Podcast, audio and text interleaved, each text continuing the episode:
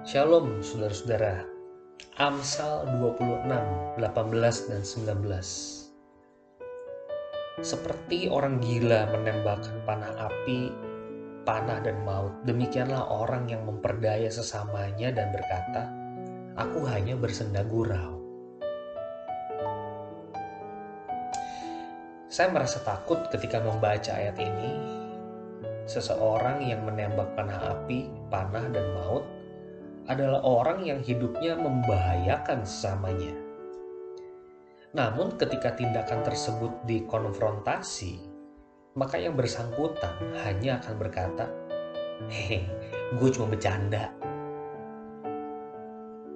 Lembaga Alkitab Indonesia mengatakan bahwa orang seperti ini memperdaya sesamanya. Alkitab ESV, terjemahan ESV mengatakan orang seperti ini menipu sesamanya. Tapi ketika si penipu ditegur, maka ia menjawab, I'm only joking. Gue cuma bercanda. Saudara Eugene Peterson mengilustrasikan ayat ini sebagai berikut. Ada orang ceroboh yang secara tak sengaja membakar tenda. Orang yang menipu lebih buruk dari orang yang tak sengaja ini. Saya jadi berpikir, apakah si penipu itu tahu bahwa ia sedang mencelakakan orang? Atau ia tidak tahu bahwa tindakannya bahaya? Sehingga ketika ditegur, ia bilang bahwa ia sedang bersenda gurau. Apanya yang lucu kalau gitu? Apakah hal itu lucu? Apakah membakar tenda itu lucu? Apakah mematikan orang itu lucu? Tunggu dulu.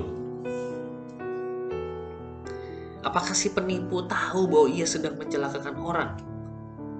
Iya. Tidakkah ia tahu bahwa tindakannya bahaya? Iya. Kalau begitu kenapa ia bersenda gurau? Dosa yang paling gelap adalah tidak menyadari bahwa ia berdosa Alkitab juga mengajarkan ada dosa yang tidak diampuni. Dosa menghujat Roh Kudus. Roh Kudus yang bekerja melembutkan hati ditolak oleh orang tersebut. Bagaimana mungkin ia kembali kepada Allah?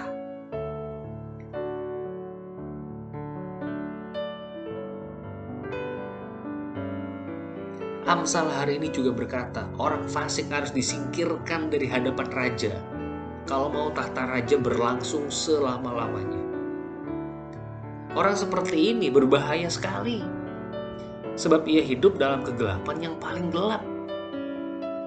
Saya bisa membayangkan bahwa ia tidak memiliki rasa sakit terhadap khotbah, ia tidak berempati kepada sesama, ia hanya memikirkan dirinya sendiri, ia senang menghitung keuangannya, ia memikirkan liburan mau pergi ke mana nih ia hobinya e-commerce, menantikan waktu Indonesia belanja. Ia senang ketika namanya menjadi semakin baik.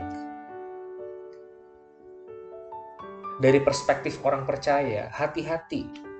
Di sekeliling Anda siapa tahu ada orang yang berbahaya, namun ia sedang menjelma menjadi domba yang sebenarnya serigala.